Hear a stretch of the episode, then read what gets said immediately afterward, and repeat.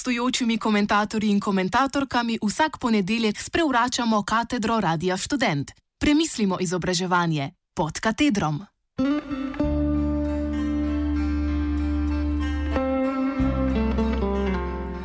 Osebnostno izpolnjeni arhitekti in njihovi minimalci.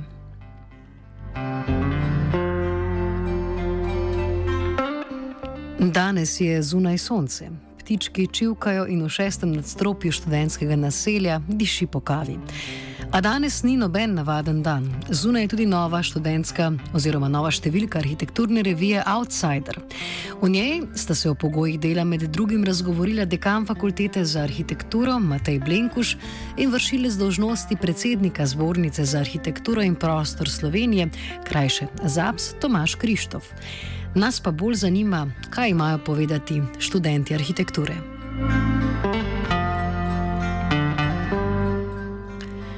V današnji oddaji pod katedrom bomo preleteli rezultate ankete, ki jo je Outsider delil med študenti in arhitekti.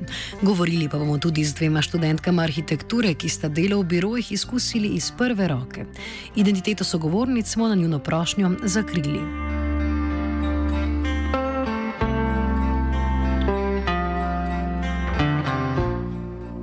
Najprej torej k anketi o delu v arhitekturi. Pri Outsiderju povedo, da so že nekaj ur po objavi dobili krepko čez 100 izpolnjenih vprašalnikov, po dveh tednih jih je naneslo čez 600.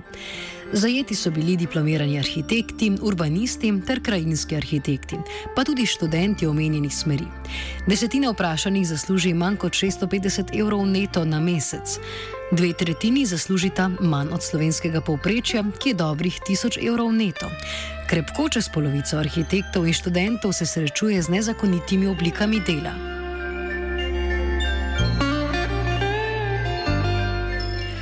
Med številnimi zagovorniki oziroma zgovornimi podatki so z dodatnim preverjanjem ugotovili, da ZAPS, ki zauzema vlogo regulatorja arhitekturne stroke, postavlja močno prenisko ceno za delo arhitektov. Ti bi si po priporočenih cenah zbornice v najboljšem primeru lahko izplačali minimalno plačo. Povrhu tega več kot polovica vprašanih poroča, da dela več kot 8 ur dnevno. Razkorak med vloženim delom in končnim izplačilom je tako še globlji, kot je na prvi pogled razvidno. Kot so poročali anonimni študenti v javnem pismu januarja letos, pa so delovne razmere za študente posebej negotove in izkoriščevalske. Ravno študenti, oziroma vse tisti, ki se lahko zanašajo na štipendije in na podporo staršev, pa so pripravljeni delati v prav tako neuzdržnih ali še slabših pogojih. Kako do tega pride, nam opiše nedavno diplomirana arhitektka, ki je od študija delala v dveh arhitekturnih birojih. V enem od teh je za plačilo 3,8 evra na roko delala ponavadi še dlje od že tako predolgih dogovorjenih 9 ur na dan. Prideš tam, mislim, na sam razgovor, prineseš nek svoj portfolio ne, s svojimi izdelki, pa malo prokomentirate to, kaj, pa, kje programe vladaš, kaj si do zdaj delal. Um,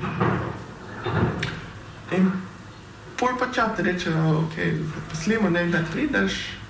Uh, in tako se začne. Sem tale slaba, ne naprimer delovnik, uh, sem tako cel dan delala, da vem, cel dan to pomeni od 8 do 5, pa pol, ne, ko sem še hodila domov, ki sem imela vse, ki ne moreš več gledati v računalnik.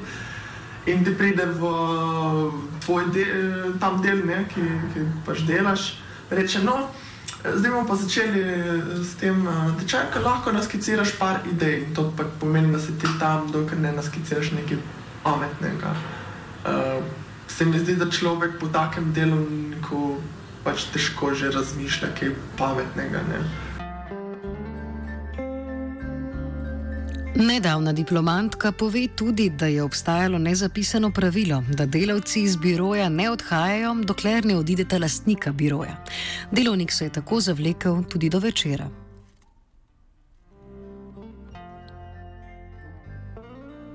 Druga študentka poroča o delu, ki priliči deklici za vse. Prav tako kot način plačila in končne zasluge na papirju. Vedno si tam pri roki, vedno delaš, kaj ti reče, po navodilih, samo mogoče kaj dopolniš. V bistvu sem vedno pomagala drugim, pač, pa v treh, štirih različnih sem delala, ampak je bilo vedno tako, da, pač, da so bili dokaj fer do mene, ampak je bilo plačilo na roke, torej na črno. Nisem bila direktno izkoriščena, saj pač takrat nisem niti vedela, da je to problem, če delaš študent na črno in znižuje ceno drugim. Po zakonu je poklic arhitekta eden izmed 450 reguliranih poklicev v Sloveniji. Med regulirane poklice se štejejo vsi, za upravljanje katerih je potrebno kakšno dovoljenje ali poseben pogoj.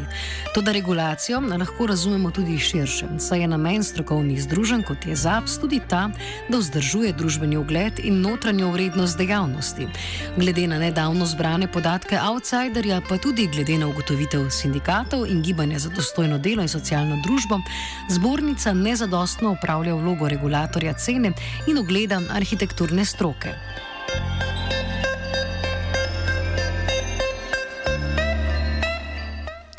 Ker je arhitekturna dejavnost od plečnika dalje razumljena kot izrazito ustvarjalna in umetniška, so poklicne možnosti mladih arhitektov in študentov odvisne tudi od dokazil o avtorstvu različnih projektov.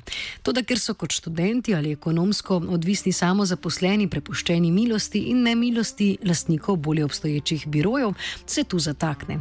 Delitev na avtorje in sodelavce, ki imajo mnogo manj pravic in zaslug, je tu ključna.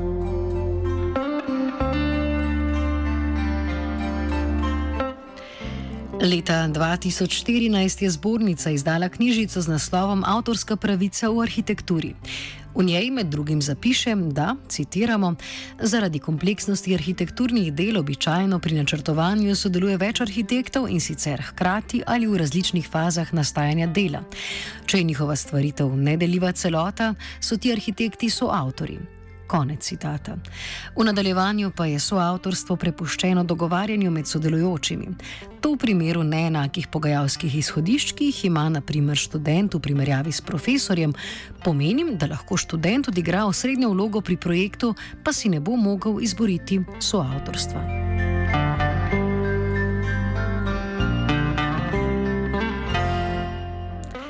Naša sogovornica, ki je nedavno diplomirala na arhitekturi, je navedla dobro izkušnjo z birojem enega od svojih profesorjev, kjer je njeno soavtorstvo bilo samoumevno glede na njeno vlogo pri natečaju. Omeni pa tudi slabo izkušnjo, ko je delala pri enem od ljubljanskih birojev in šele ob razstavi projekta izvedela, da je zapisana le kot sodelovka. Ker smo delali en natečaj, so za ta natečaj tudi dobili uh, drugo nagrado, to pravim pač za ta biro. Um, se je velika večina pač tega natečaja, oziroma se je ta temeljna ideja temeljena na, na, na mojo, pač nisem dobila akreditacijo, zato nisem bila zapisana samo kot uh, sodelavka, ne pa pač kot avtorica. Ne. Druga sogovornica razloži, zakaj sta neplačano delo in nepriznano avtorstvo pri arhitekturnih natečajih tudi sistemski problem. Natečaj je v bistvu itak problem že ta sam sistemski, ki je ne dopušča, mislim, ni plačila oziroma gre se v riziko. In tam se v bistvu vsem, ki, ki bi radi sodelovali na tem, najbolj splača, da najamejo poceni delovno silo. Zdaj pa več, a se profesor odloči za natečaj tudi tak, da povabi ta boljše študente v svoj biro in potem z njimi dela natečaj. Lahko tudi obratno, da sami študenti so in samo inicijativni in, in potem imajo to, da bi radi sami delali na tečaj, ampak ne morejo pa ga sami delati, ker pač nimajo žiga od zapsa. V bistvu sta dve plati vedno. Ali oni sami inicijativno, ali pa da jih profesor povabi. Zdaj, če sami inicijativno so oni avtorji. Ampak če pa ponavadi, če pa profesor, potem pa je ponavadi, da je profesor pa njegova neka stalna ekipa avtorji, so avtorji, ostali pa so sodelavci, ker so vedno oni v nekem podrejenem položaju. Na vprašanje, ali meni, da je bila v preteklosti kdaj neupravičeno zreducirana na sodelovko, odgovori tako. Včasih se mi zdi, da bi lahko kot avtorica tudi bila napisana, ampak to je zdaj pač presoja o njih, ko pač mislijo, da uh, študent ne pripomore toliko k samemu projektu, ker nima toliko znanja. To, da se študente manj plača in jemlje manj resno od soavtorjev, se torej upravičuje s tem, da še niso diplomirani arhitekti. To, da že izbor, katerega študenta bo naprimer profesor sprejel za delo v biroju, je naklonjen bolj izkušenim starejšim študentom. Kot razloži študentka, je treba v tej luči gledati tudi na 4-odstotni delež študentov, ki ga dekan navaja kot podatek za delo študentov v birojih profesorjev. Res gre za 4 odstotke, če se v zakupu vzame vseh pet letnikov. Toda v biroje so vabljeni le tisti iz četrtega in petega letnika.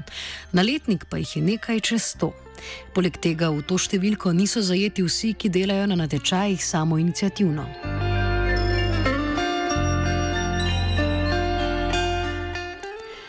Kot izpostavi študentka, težava tiči tudi v tem, da med študenti samimi manjka pogled v prihodnost, ko bodo sami na trgu dela in se bodo morali znajti v nemogočih pogojih, ki jih za zdaj izkušajo v obliki obštudijskega dela. Po mojem je vredno, da se bi izpostavilo, da, da bi mogla stroka dejansko, da bi študenti in profesor mogli skupaj sodelovati, ne pa en proti drugemu, ker se mi zdi, da delujemo trenutno en proti drugemu a doben pa noče dejansko videti resničnega problema, da študenti, ki delajo na črno ali pa delajo na pol zastojn, ko, bo, pač, ko bojo končali, pa, da, bo enkrat, da bojo jih nadomestili študenti, ki bodo delali na črno ali pa na pol zastojn, da se to tudi začnejo študenti zavedati, drugič pa, da tudi stroka se mora začeti ceniti in da ugotovijo, da, ta, da najnižji ponudnik, da to res nikamor ne vodi in, in da se dela dumping cene, da je to v bistvu sam sebi jamo koplješ. Pri outsiderju povzetek za res prepotrebne raziskave, opremljen z nazornimi prikazi, zaključijo seznamom devetih predlogov za spremembe na boljše. Pri tem se osredotočijo na višanje cene arhitekturnih storitev, usklajevanje fakultete s trgom dela ter se zauzemajo za zaposlovanje na mesto samo zaposlovanje v arhitekturi. O vlogi študentov pri nadaljem razpletu dogodkov bomo še poročali. Nazaj ven na sonce gre Hanna